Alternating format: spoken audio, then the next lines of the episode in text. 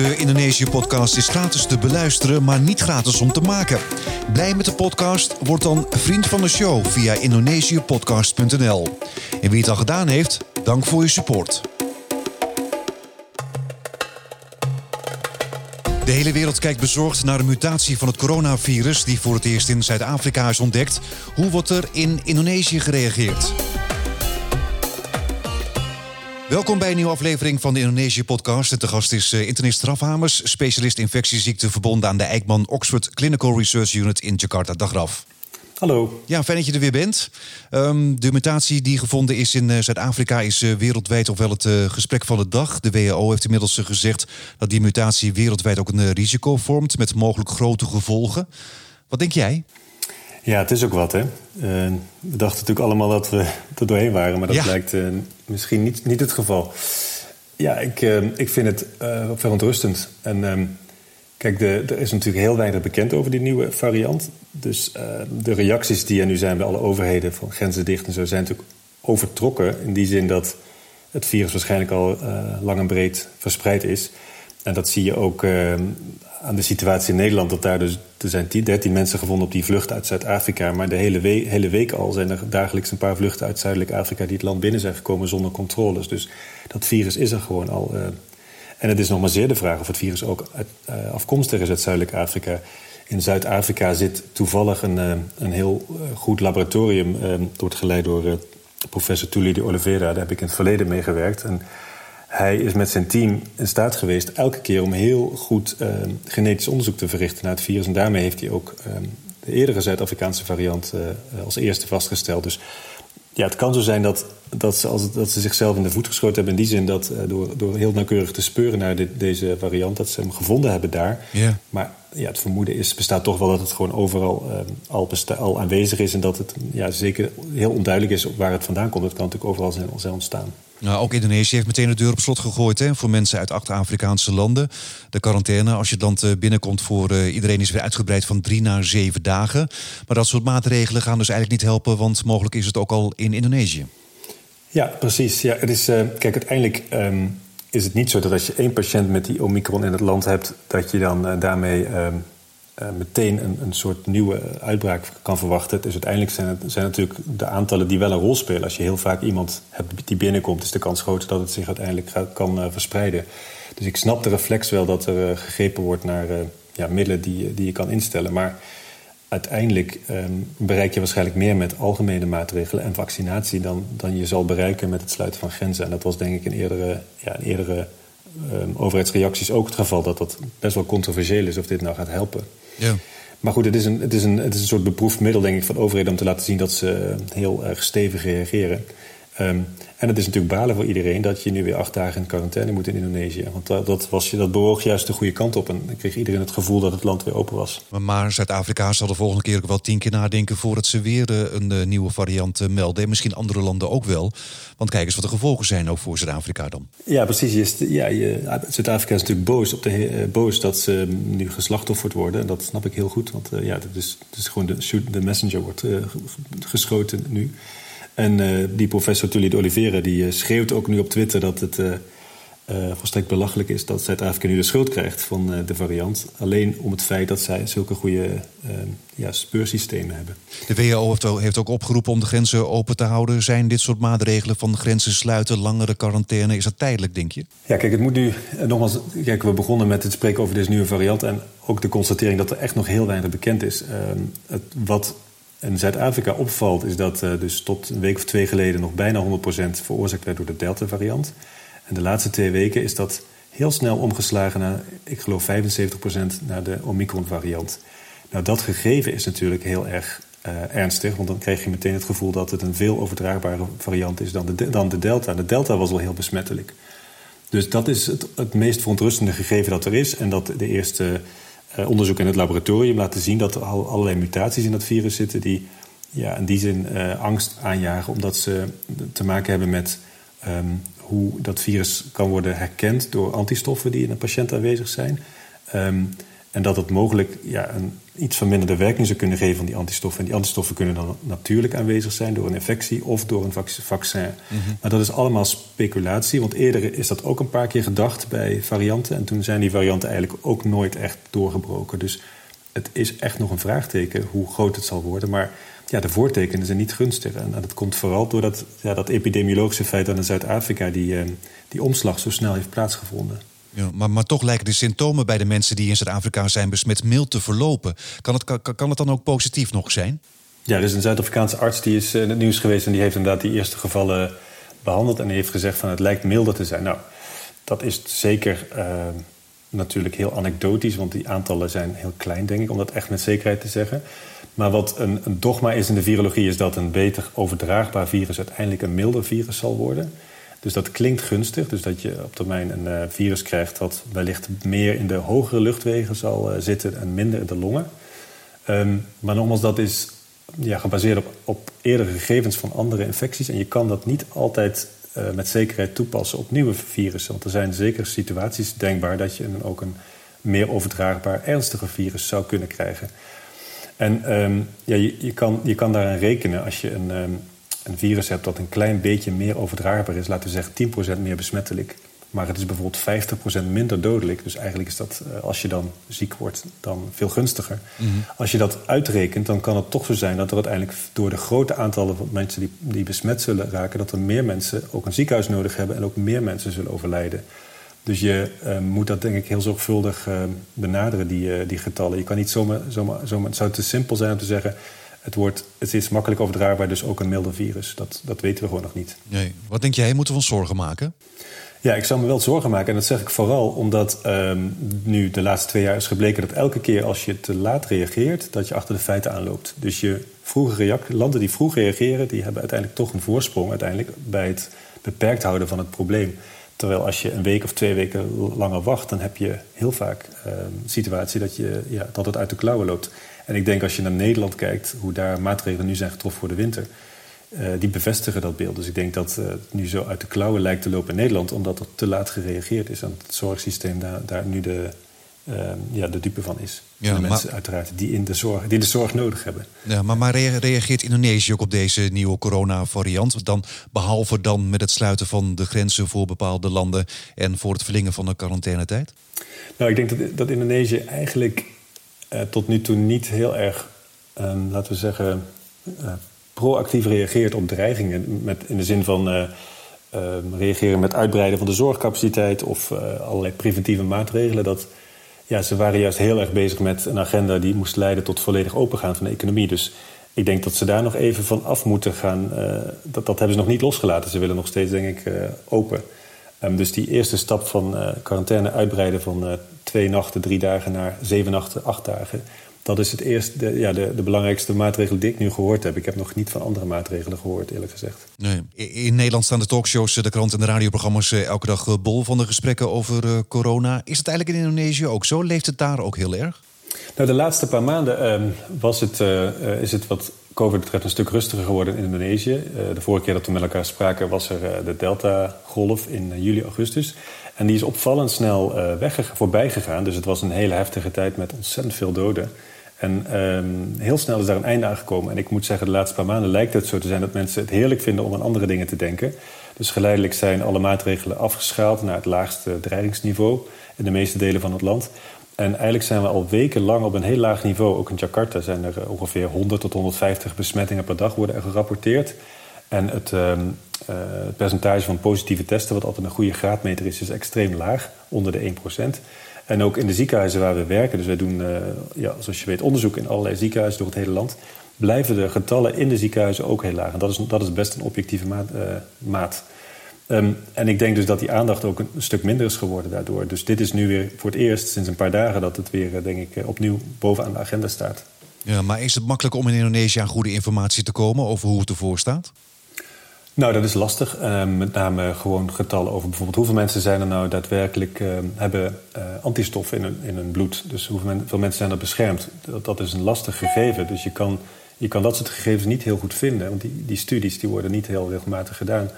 Um, het andere is natuurlijk het, uh, welke varianten circuleren hier. Nou, wij, doen daar iets aan. Wij, dragen bij aan de, aan de overheidsinspanning om uh, het genetisch onderzoek regelmatig te doen. En dat zijn ook inmiddels duizenden uh, virussen die gesequenced zijn. Maar dat is een, heel fractie, een hele kleine fractie van het totaal aantal virussen dat in dit land rondgaat. Dus het kan zomaar zo zijn dat hier een variant ontwikkelen die we niet meten. Dus in die zin, als je het hebt over informatie, nou, die, die, die data die je nodig hebt om beleid te maken, die zijn inderdaad vaak niet aanwezig of achterhaald. Dus dat, dat klopt. Maar hoe kom jij dan aan je informatie? Gewoon van de ziekenhuizen of wat jullie zelf onderzoeken? Ja, nou, die gegevens, nou, we zitten dicht bij, dichter bij het vuur. We, creëren, we genereren zelf heel veel gegevens, dus uh, dat is denk ik heel nuttig. Uh, maar ook voor ons geldt dat we natuurlijk heel veel dingen niet weten. Um, maar bijvoorbeeld die gegevens van wat gebeurt er in de ziekenhuizen... Dat, dat is wel, denk ik, een, een goede graadmeter. En daar hebben we uh, gelukkig goed oog, goed oog voor. En we hebben veel contact door het hele land met, met medewerkers in ziekenhuizen. Ja, de vorige keer dat we elkaar spraken was inderdaad eh, in eh, juli. Want juni, juli kreeg Indonesië die eh, zware coronagolf te verwerken. Je zei het al, het lijkt nu goed te gaan. Hoe kan het eigenlijk ineens dat, dat, dat die golf toch van redelijk korte duur was... en dat die daarna eigenlijk is gaan liggen? Is dat omdat er flink is gevaccineerd... of omdat in korte tijd heel veel mensen toch in aanraking zijn gekomen met het virus? Ja, dat is een hele goede vraag en best wel intrigerend. Het, is, het was een hele korte, heftige periode. En uh, eigenlijk is toen in een periode van twee weken ook uh, um, ja, die delta weer weggegaan. En um, dat heb je ook gezien in andere landen. In India is het ook, ook zo verlopen, heel heftig en uh, met heel veel doden. En toen ook in no time ja, een soort da snelle daling ingevallen. Nou, de verklaring daarvoor is eigenlijk niet heel duidelijk, maar ik denk dat het een combinatie van factoren is. Ik denk op het moment dat het zo heftig was, dat het toch wel heeft geleid tot gedragsverandering. Dat mensen zich beter aan regels zijn gaan houden. Maar uiteraard er was nog steeds van alles gaande. Um, en daarbij is er denk ik dan een situatie ontstaan van een soort tijdelijke immuniteit in de populatie, waarbij een deel gevaccineerd was en een ander deel uh, blootgesteld is aan het virus dat op dat moment echt overal aanwezig was. En dat dat heeft geleid tot het doorbreken van uh, de overdracht. En die immuniteit, die, uh, ja, hoe lang die aanwezig blijft, is inmiddels, ja, dat is inmiddels wel iets duidelijker aan het worden dat dat tijdelijk is. Dus je zult best een kans hebben dat um, op het moment dat hier of een nieuwe variant komt, of er is weer een uh, periode met veel sociaal contact, bijvoorbeeld met kerst, dat daarna dan weer een golf optreedt. Dat is eerder zo gebeurd en ik denk dat het best wel een reële kans is dat het weer gaat gebeuren in januari. Ja, wat je zei het al, de besmettingen in Jakarta zijn ook laag. Afgelopen week gemiddeld in het hele land nog geen 400 besmettingen per dag. Nou ja, als je kijkt naar uh, Nederland, Nederland had er zondag nog 22.000. Dus dan gaat het eigenlijk in Indonesië wel heel goed. Ja, het, gaat, het is echt omgekeerde, omgekeerde wereld. En wij, werken veel samen met Vietnam, met, een, uh, met onze collega's daar. En die hadden ook een omgekeerde situatie dat het eigenlijk ja, eerste anderhalf jaar van de epidemie in Vietnam heel goed ging. En daar is het nu ook heel erg slecht. En in Indonesië was het heel slecht tot nu. En nu is het opeens uh, heel gunstig. Dus ja, het, is, het blijft toch een beetje ja, deels onvoorspelbaar wat er gebeurt. Maar ik denk dat, uh, kijk, in Indonesië, als je kijkt naar um, wat we weten, dus, is dat een paar maanden geleden was in Jakarta en, en, en ik geloof op een andere plek ook. Het aantal mensen dat antistoffen in hun bloed had, was ongeveer 44 procent. Dat is het laatste getal dat ik heb gehoord. Mm -hmm. Er wordt op dit moment een nieuw onderzoek gedaan, dus misschien hebben we dan een beter beeld. En tegelijkertijd weten dat ongeveer 60% een eerste vaccinatie heeft gehad, landel, op landelijk niveau. 40% heeft beide vaccinaties gehad. Nou, dat is niet voldoende om een nieuwe golf te voorkomen. En daarbij heb je natuurlijk ook nog het, uh, inmiddels de, de, het inzicht dat um, het aantal maanden na vaccinatie waarschijnlijk de kans weer toeneemt dat je geïnfecteerd kan raken en ook ernstig ziek kan worden. Dus um, ja, dan heb je het over die, die noodzaak, die, die, die discussie die heel actueel is: van is er noodzaak tot boosters? En dus ik denk dat Indonesië net als andere landen nog niet uit de problemen is. En dat er een, gewoon een reële kans is dat hier ook weer een, uh, een nieuwe piek gaat komen. Ja, wordt er veel getest? Want in Nederland is een hele testindustrie opgezet nu. Nee, er wordt niet veel getest in Indonesië en dat uh, is ook weer minder geworden. Dus, dus het, uh, de aandacht voor corona is afgenomen. Je ziet nu ook dat al die testfaciliteiten, heel veel privé, private labjes, die zijn allemaal uh, meer aan het sluiten en die, die staan leeg. Dus het is inderdaad ja, niet, er is niet een heel actief beleid dat iedereen wordt aangespoord om bij uh, elk kuchje te testen. Er wordt veel te weinig getest. En, en ook met de verkeerde testen daar wordt ook heel veel getest met antigeentesten, want die zijn een stuk goedkoper. Um, maar die zijn slecht van kwaliteit, die zijn onbetrouwbaar. Dus ik denk dat er een, een, hele grote onderschatting is nog steeds van het aantal echte gevallen. Maar goed, als je kijkt naar de, naar de ziekenhuizen, die worden niet overlopen. Dus dat geeft dan toch wel een indicatie dat het eigenlijk best goed gaat. Ja, precies. Het gaat ook best goed. Ja, dat is, dat is zeker zo. Het gaat op dit moment echt goed. Uh, maar ja, ik denk dat het tijdelijk is. Ik denk dat je gewoon te maken krijgt met nieuwe golven. Maar je, maar je zei het al, zo'n 40% van de bevolking is gevaccineerd. Hoe, hoe gaat het daarmee eigenlijk? Nou ja, in de grote steden is die beschermingsgraad, die vaccinatiegraad heel hoog. Jakarta wordt zelfs gerapporteerd als boven de 100%. Dat kan natuurlijk niet, maar dat betekent dat heel veel mensen van buiten Jakarta ook gevaccineerd worden hier in Jakarta. En dat leidt dan tot zo'n uh, hoog percentage. Uh, het andere gebied dat heel hoog scoort is Bali.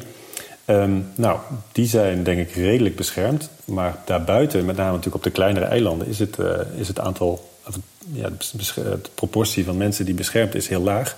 En dat komt natuurlijk omdat er enorme logistieke problemen zijn om vaccins uh, overal te krijgen in alle, alle kleine dorpjes en alle eilandjes. En nou is uh, ja, het dominante vaccin Sinovac, dat is nog uh, te vervoeren op koel, in de koelkast. Dus gewoon heb je geen vriezers voor nodig. Mm. Maar de andere vaccinaties, vaccins zoals Moderna en Pfizer, daar heb je een vriezer voor nodig. Dus dat maakt het allemaal erg ingewikkeld. En dat gaat op zich best goed hoor. Ik bedoel, de, de machinerie staat nu en er wordt volop gevaccineerd. Maar dat kost gewoon heel veel tijd. En ehm, ja, dat kost nog maanden voordat iedereen gevaccineerd is. En dan is het wellicht weer tijd voor een booster. En dan kan het helemaal weer opnieuw gaan beginnen. En dan kun je weer langs al die dorpen gaan. Dus je kunt je de logistiek wel, uh, logistieke uitdaging wel voorstellen voor Indonesië. Ja, maar, maar voornamelijk zijn het dus nog die Chinese vaccins, de Sinovac, waarmee de mensen gevaccineerd worden. Klopt, ja. Kijk, Sinovac is, uh, is een soort vaste factor. Dat is een, uh, denk ik wereldwijd een heel belangrijk vaccin. Um, in totaal 1,8 miljard doses zijn al gezet bij mensen over de hele wereld in 54 landen met dit vaccin is een vaccin dat in Europa nauwelijks gebruikt wordt, met uitzondering van een paar landen in, het Oost, in Oost-Europa. Uh, maar hier is het, uh, ja, het belangrijkste vaccin. Ik denk dat ongeveer 70% van de bevolking hier Sinovac heeft gekregen. De andere vaccins zijn er ook. AstraZeneca is de goede nummer twee. En dan de, uh, de mRNA-vaccins, dus Pfizer en Moderna, die zijn er ook wel. Maar dat zijn hele kleine aantallen en die worden gereserveerd voor bepaalde risicogroepen. Dus die worden gegeven aan zwangere vrouwen, mensen met een afweerstoornis. En ze zijn nu ook beschikbaar voor uh, adolescenten, dus de tieners, die kunnen ook Pfizer krijgen. En dit is overigens volgens mij, voor zover ik weet, alleen zo in de grote steden. Ja, en Sinovac krijgt Indonesië van de Chinezen en AstraZeneca misschien nog wel van westerse landen, omdat die AstraZeneca zelf niet meer gebruiken. Klopt, ja, AstraZeneca is natuurlijk een beetje uh, ja, in een verdomhoekje geraakt... omdat er betere alternatieven waren. Net iets veiliger, net iets effectiever. En westerse landen hebben gekozen voor die vaccins... voor Moderna, Pfizer en misschien wel andere. Dus AstraZeneca is nog steeds een heel goed vaccin. Uh, en dat wordt in heel veel ontwikkelingslanden gebruikt. Uh, bedoel, je vergis je niet, het is nog steeds een heel belangrijk vaccin. En dat maakt een, heel, uh, een hele, hele, hele, speelt een hele belangrijke rol in bescherming van de hele bevolking. En zoals je weet zijn er grote delen van de wereld nog niet beschermd. Er zijn landen die, die nog bijna geen vaccins hebben gezien. Um, dus vaccins van AstraZeneca en Sinovac en andere bedrijven die zijn extreem belangrijk voor uh, uiteindelijk uh, ja, het, uh, het, het, handelen van deze crisis. Ja, maar, maar komt Indonesië er een beetje tussen wat, wat, wat betreft vaccins? Of, of, zijn ze toch een beetje afhankelijk van wat dan de rest van de wereld aan het schenken is? Ja, dat is lastig. De Sinovac kunnen ze blijkbaar gewoon kopen. Dat is een grote aantallen voorhanden. Maar de andere vaccins, dat, dat is toch lastig. En ik denk dat je kan concluderen tot nu toe dat alle voorraden van Pfizer en uh, Moderna vooral donaties zijn geweest van andere landen. Um, ik heb wel gehoord dat Pfizer, uh, dat, er, dat daar echt een grote batch van zou komen. En die, die zou er ook zijn. Um, en die hebben ze dan gekocht, die heeft de overheid gekocht. Dus dat is de eerste grote batch die, die naast Sinovac gegeven wordt. Ja, rijke landen houden dus veel vaccins dus voor zichzelf. En daar heeft Indonesië ook nog wel een beetje last van ook. Ja, absoluut. Ja, zeker. Ja, kijk, Indonesië zit een beetje in het midden. Dus het, het is niet zoals sommige Afrikaanse landen dat er helemaal geen vaccins zijn. Uh, maar zeker, de dekkingsgraad is zeker niet uh, zo hoog zoals die zou moeten zijn. Ja. Um, en um, ja, dus de afhankelijkheid van die Chinese vaccins blijft. Maar op zich zijn dat prima, dat zijn natuurlijk prima vaccins die uh, het, het, goed doen. Um, en ik denk eigenlijk dat als je kijkt op, wereld, op, de, op, wereldniveau, dat deze vaccins waarschijnlijk belangrijker zijn voor het bestrijden van de crisis dan de andere vaccins die in het Westen gegeven worden. Want ze worden op zulke grote schaal gebruikt dat het een enorme, uh, ja, enorm belangrijke impact heeft. En ze werken en ik denk dat we dat in het Westen misschien voldoende. Ze werken ook goed. En ik denk dat dat in het Westen onvoldoende gezien wordt hoe belangrijk die vaccins zijn. Um, ze werken wellicht ietsje minder goed, maar nog steeds uh, behoorlijk goed. Ja. ja. Maar, maar, maar, Jakarta en Bali, da, da, daar zijn dus de meeste mensen nu wel uh, ingeënt. Maar in de rest van het land, dat laat dus nog op zich wachten vanwege de logistieke problemen. Dus het kan nog wel even duren voordat echt het hele land is gevaccineerd. Ja, zeker. Dat gaat nog een lange tijd duren. Ja. Ik denk nog wel. Uh, ja, er is eerder gezegd uh, aan het einde van 2022. Ik denk dat dat, een, uh, dat, dat wel een reëel, reëel ja, doel is of uitgangspunt is. Nog ze nog wel zeker een half jaar aan het vaccineren zijn. Maar eind 2022, dan kan je dus inderdaad in Europa wordt er alweer gesproken over boosters. Er is ook weer in verschillende landen begonnen met het geven van boosters. Dan, dan kan dus ook in Indonesië het hele feest weer opnieuw beginnen. Ja, de, de Indonesische overheid heeft diezelfde discussie. En er is nu besloten om een uh, uh, boosterprogramma te starten in maart volgend jaar. Voor de hoogste risicogroep, dus de, de alleroudste. Dus de 80-plussers eerst en dan uh, ook, zoals ik heb begrepen, de 65-plussers. Nou, dat gaat starten in maart, maar je kunt je het ethisch dilemma voorstellen dat als in maart nog niet iedereen een eerste vaccin heeft gekregen in het land, hoe verdedigbaar is het dan om het derde vaccin te gaan geven aan deze risicogroepen? Dus dat is een moeilijk dilemma, maar ik denk dat het wel gaat gebeuren. Um, en dan is nog de, de vraag, welk vaccin wordt dan gegeven? Dus van het liefst wil je, blijkt uit allerlei gegevens dat het gunstig is om uh, te, te mixen met vaccins. Dus als je eerst Sinovac hebt gekregen, dat je dan een andere zou kunnen nemen, dat dat heel goed is. Maar ja, die zijn niet echt voorhanden. Dus ik denk dat het er uiteindelijk op neerkomt dat uh, Sinovac ook de derde booster zal zijn. En dat is een, ja, natuurlijk een redelijke booster. Bedoel, dat zal goed werken. Uh, maar waarschijnlijk iets minder goed dan een combinatie met een ander vaccin. Bijvoorbeeld Pfizer.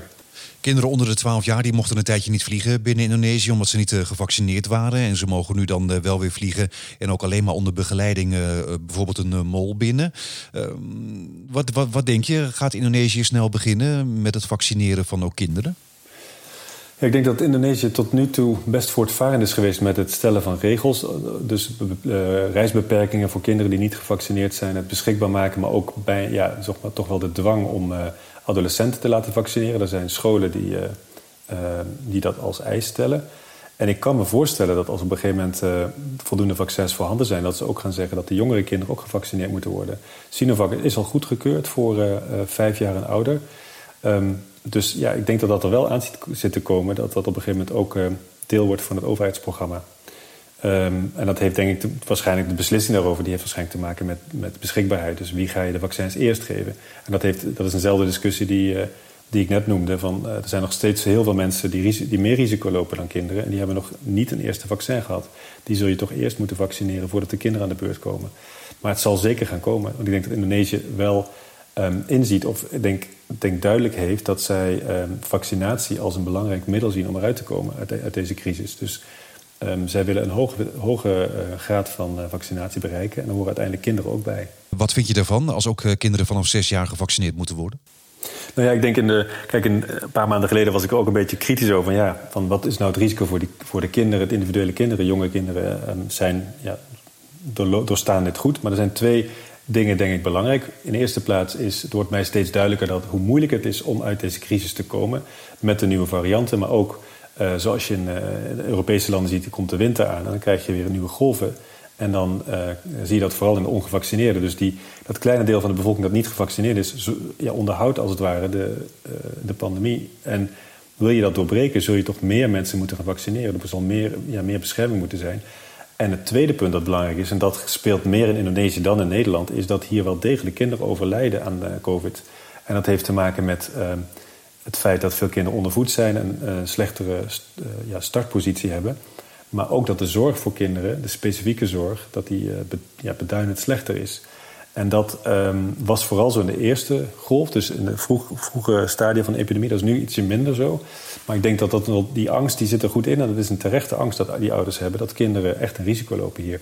En in Nederland is die angst een stuk minder, want in Nederland is er nog steeds bij mijn weten geen uh, jong kind overleden aan corona, gelukkig. Nee, maar in Indonesië, dat is inderdaad ook opvallend, jongere mensen daar die overlijden ook aan corona. Ja, dat, dat zeker. Dat die, we hebben toegang tot uh, de gegevens van Jakarta. Dat is een database van uh, 700.000 uh, patiënten. En er zitten ook kinderen in. En er zitten ook kinderen in die overleden zijn. Dus dat komt gewoon voor. Maar, toch mensen die gevaccineerd zijn, die verspreiden het virus uh, nog steeds. Ik bedoel, heeft het dan ook wel zin om kinderen dan te vaccineren? Want over het algemeen worden zij er toch minder ziek van. Maar ze blijven het dan, ondanks de vaccinatie, dan ook nog wel enigszins verspreiden. Ja, die, uh, maar goed, dat moet je, kijk, wat je zegt, dat klopt, maar dat moet je nuanceren. De, de besmettelijkheid van een gevaccineerde is veel, veel lager, waarschijnlijk minder dan de helft ten opzichte van een ongevaccineerde. En dat komt omdat gemiddeld genomen de, aantal virusdeeltjes lager is, maar ook de, de duur dat je die virusdeeltjes uitscheidt is korter. Dus uiteindelijk zal het op, op, uh, voor de volksgezondheid heel veel uitmaken. Dus één gevaccineerde persoon besmet minder nieuwe mensen dan iemand die ongevaccineerd is. En dat gegeven is heel belangrijk uh, voor, ja, voor het bestrijden van, de, van, deze, van deze epidemie. Dus je hebt wel gelijk, er is een kans dat je, dat je nog het virus overdraagt. Maar als iedereen gevaccineerd is, is daarmee de kans op, op, grote, op, zeg maar, op het, in, in de hele bevolking een stuk kleiner geworden. Ja. Er dus ik zou zeggen, dat, dat, dat helpt wel degelijk. En dan heb je natuurlijk over wat zijn de risico's voor de kinderen. Nou, dat is, dat is natuurlijk ook een heel dynamisch, uh, dynamische situatie. Kijk, een paar maanden geleden met nieuwe vaccinaties, nieuwe vaccins... was er weinig duidelijk. Nu zijn er miljarden mensen gevaccineerd... met elk type vaccin dat goedgekeurd is. En je ziet eigenlijk geen bijwerkingen van betekenis optreden. Nou, dat gegeven is natuurlijk heel geruststellend. En uh, ja, dan, dan zou ik denken, je kan kinderen met een gerust hart gaan vaccineren. Want Ehm, die risico's zijn zo beperkt, dat moet je gewoon doen. En dat is dus ook de enige manier om uit deze crisis te komen volgens jou? Ja, dat denk ik wel. Kijk, nog, nogmaals, het is niet, uh, zeker niet de holy grail. Het is niet het enige wat je moet doen. vaccineren moeten we allemaal doen. Maar andere maatregelen blijven belangrijk. En als je dat combineert, dan, uh, heb je, dan koop je als het ware ruimte in de andere maatregelen. Die je, uh, doordat je meer gevaccineerd hebt, kun je andere dingen weer los, losser gaan laten. En op het moment dat er dan weer kleine uitbraakjes zijn, dan kun je met andere maatregelen dat weer bijsturen. Dus ik denk dat je de combinatie moet blijven bezien. Maar ehm, je, kan, je kan natuurlijk dan wel dermate een open maatschappij creëren... dat mensen weer een normaal leven kunnen leiden. Dat is, dat, dat is de doelstelling. Ja. Indonesië was een van de eerste landen met een vaccinatieplicht. Hoe hard is die plicht eigenlijk?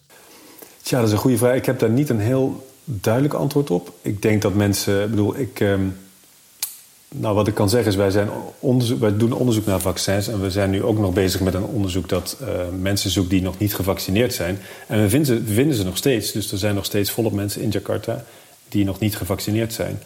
Um, waarom die mensen niet gevaccineerd zijn, weet ik eerlijk gezegd niet. Maar dat geeft wel aan dat het dus niet een uh, ja, 100% sluitend systeem is. Dus er zijn mensen die, die het hebben kunnen uitstellen. Of die hebben het aanbod nog niet gekregen, of ze hebben het kunnen weigeren... of misschien uh, was er een andere reden. Maar... Um, ja, ik denk dat. Kijk, Indonesië.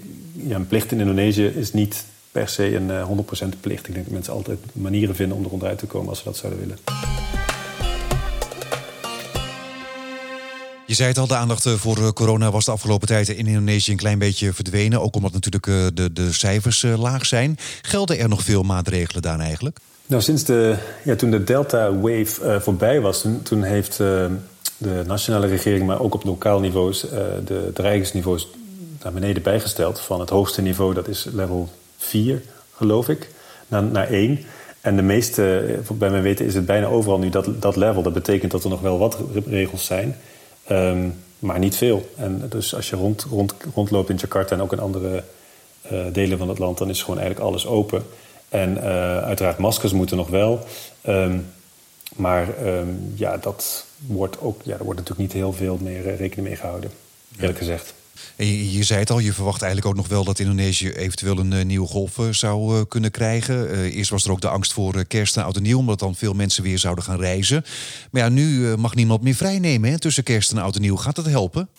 Ja, dat zal zeker helpen. Dus wordt, het, het, plan is nu, maar dat is denk ik nog niet helemaal bevestigd... dat gedurende twee weken, vlak voor kerst tot na nieuwjaar... dat er niet gereisd mag worden, tenzij het essentieel is... En uh, dat gaat uitmaken. Dat heeft de overheid eerder ook geprobeerd bij het suikerfeest. Dan is er altijd een grote uittocht uit de grote steden naar de, naar de kampong. Nou, dat hebben ze proberen te verhinderen en dat is ook deels gelukt. Maar er zijn nog steeds miljoenen mensen de stad uitgegaan. En dat heeft toen ook geleid tot een enorme piek naar die sociale, sociale events. Nou, dat zal denk ik nu vergelijkbaar gaan, gaan zijn. Dus er zullen heel veel mensen niet reizen, maar ook heel veel mensen gewoon wel reizen. En die krijgen al op een of andere manier dan toch een uitzondering. En dus dat zal toch leiden tot problemen waarschijnlijk met nieuwe besmettingen. En de vraag is een beetje van hoe groot gaat dat probleem zijn en hoe wordt dat gemanaged? En dat is natuurlijk echt uh, een beetje koffiedik kijken. Maar wat denk jij, hoe zullen de komende maanden er voor Indonesië uitzien? Nou, ik denk, ik ben bang dat er, dat er wel degelijk weer een grote uh, surge zal zijn. Dus een toename van gevallen vanaf januari. En als dat inderdaad gedreven wordt door, door de Omicron-variant, dan, ja, dan vrees ik toch dat het wel weer kan leiden tot eenzelfde situatie als uh, in juli met de Delta-variant. En um, ja, dat, dat baseer ik een beetje op de eerdere ervaringen van wat de overheid bereid is om te doen uh, wat betreft restricties. En de Indonesische overheid houdt graag een beetje ja, het midden tussen volledig heel streng zijn en helemaal open zijn. En um, ja, de ervaring leert dat die halfzachte maatregelen niet altijd het uh, gewenste effect sorteren. En dat de Indonesische overheid vaak later, te laat reageert in het echt uh, nemen van forsere maatregelen.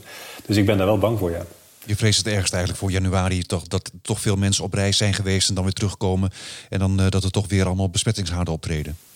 Ja, kijk, het verschil is natuurlijk ten opzichte van eerder dat de vaccinatiegraad hoger is. Dus het kan zijn dat er bepaalde gebieden zijn met hoge vaccinatiegraad die uh, misschien niet in de problemen komen. Misschien dat Jakarta gespaard blijft. Maar ik denk dat het probleem daarmee dan verplaatst zal worden naar andere gebieden waar minder gevaccineerd is. Dus dat je enorme uitbraken hebt in rurale gebieden. En je kunt je voorstellen dat dat misschien nog wel problematischer is, want daar is echt geen zorg voorhanden. Dus mensen hebben daar dan echt een probleem dat ze niet uh, aan zuurstof kunnen komen of zelfs op een intensive care terecht kunnen komen. Dus in die zin is het lijden dan misschien minder zichtbaar in de grote stad, maar misschien juist uh, nog wel groter, maar onzichtbaarder. Is uh, geen mooi vooruitzicht zo? Nee, nee, ik denk dat het gewoon een, ja, een verhaal van de lange adem is. En ja, ik, um, in Nederland is het denk ik niet anders. Daar is natuurlijk de, het seizoenseffect heel sterk. Dat iedereen nu in de kou binnen zit. En dat is een hele grote uh, ja, probleem dat iedereen op elkaar zit. Dat is hier iets minder. Maar ik denk toch dat je, ja, zoals Indonesiërs ook leven als de maatschappij is... er is heel veel contact in groepen en in families. Dus dat ga je niet zomaar doorbreken. Dat, dat gedrag blijft en daarmee ook de overdracht. En ik zou, ja, ik zou graag zien dat het anders was, maar ik ben bang dat het virus zich daar niks van aantrekt. Nee, en een soort van groepsimmuniteit, is dat nog haalbaar? Um, nou ja, de, ik denk dat we nu wel weten dat groepsimmuniteit misschien haalbaar is als je extreem intense uh, blootstelling hebt. En dat is het best beschreven in uh, Manaus. Dus in Brazilië en Amazone is er helemaal in het begin een periode geweest dat heel veel mensen ziek zijn geweest en ook heel veel doden zijn gevallen. En toen daarna is Um, er is meteen gemeten van wat betekent dat wat betreft antistoffen. Nou, dat was geloof ik meer dan 80%. Dus bijna ja, wat je zou willen bereiken was toen bereikt. Een soort herd immunity. Maar, vlak daarna is er opnieuw een golf geweest. En toen bleek de immuniteit toch niet 100% te werken. Dus de, de, antistoffen beschermen niet volledig tegen nieuwe, nieuwe infecties. En ik denk dat die kennis wel steeds weer wat solide, solider wordt. Dus dat die bescherming tijdelijk is. Dus daar, vandaar ook het hele verhaal van boosters. Dat die nood, noodzakelijk zullen zijn. En um, dus de factor tijd speelt in die zin ook een rol. Dus je kan wel zeggen, nou, er wordt op een gegeven moment immuniteit bereikt, bijvoorbeeld in Jakarta. Maar ja, na een half jaar is die immuniteit weer een stuk minder. En dan, begint het, uh, ja, dan heb je weer een, een, uh, een, bevolking die in principe ziek kan worden. Dus het kan gewoon uh, ja, een eindeloze cyclus worden in die zin. Totdat je het moment bereikt dat iedereen gevaccineerd is en dat iedereen ook ja, die toegang heeft tot de boosters. Dus je moet eigenlijk best wel ver gaan om dat te bereiken in een land als Indonesië. Dat is gewoon heel moeilijk. Uh, dus daarom maak, daarom maak ik me zorgen, omdat ik bang ben dat dat heel lastig te bereiken is. Dat niveau. Oké, okay.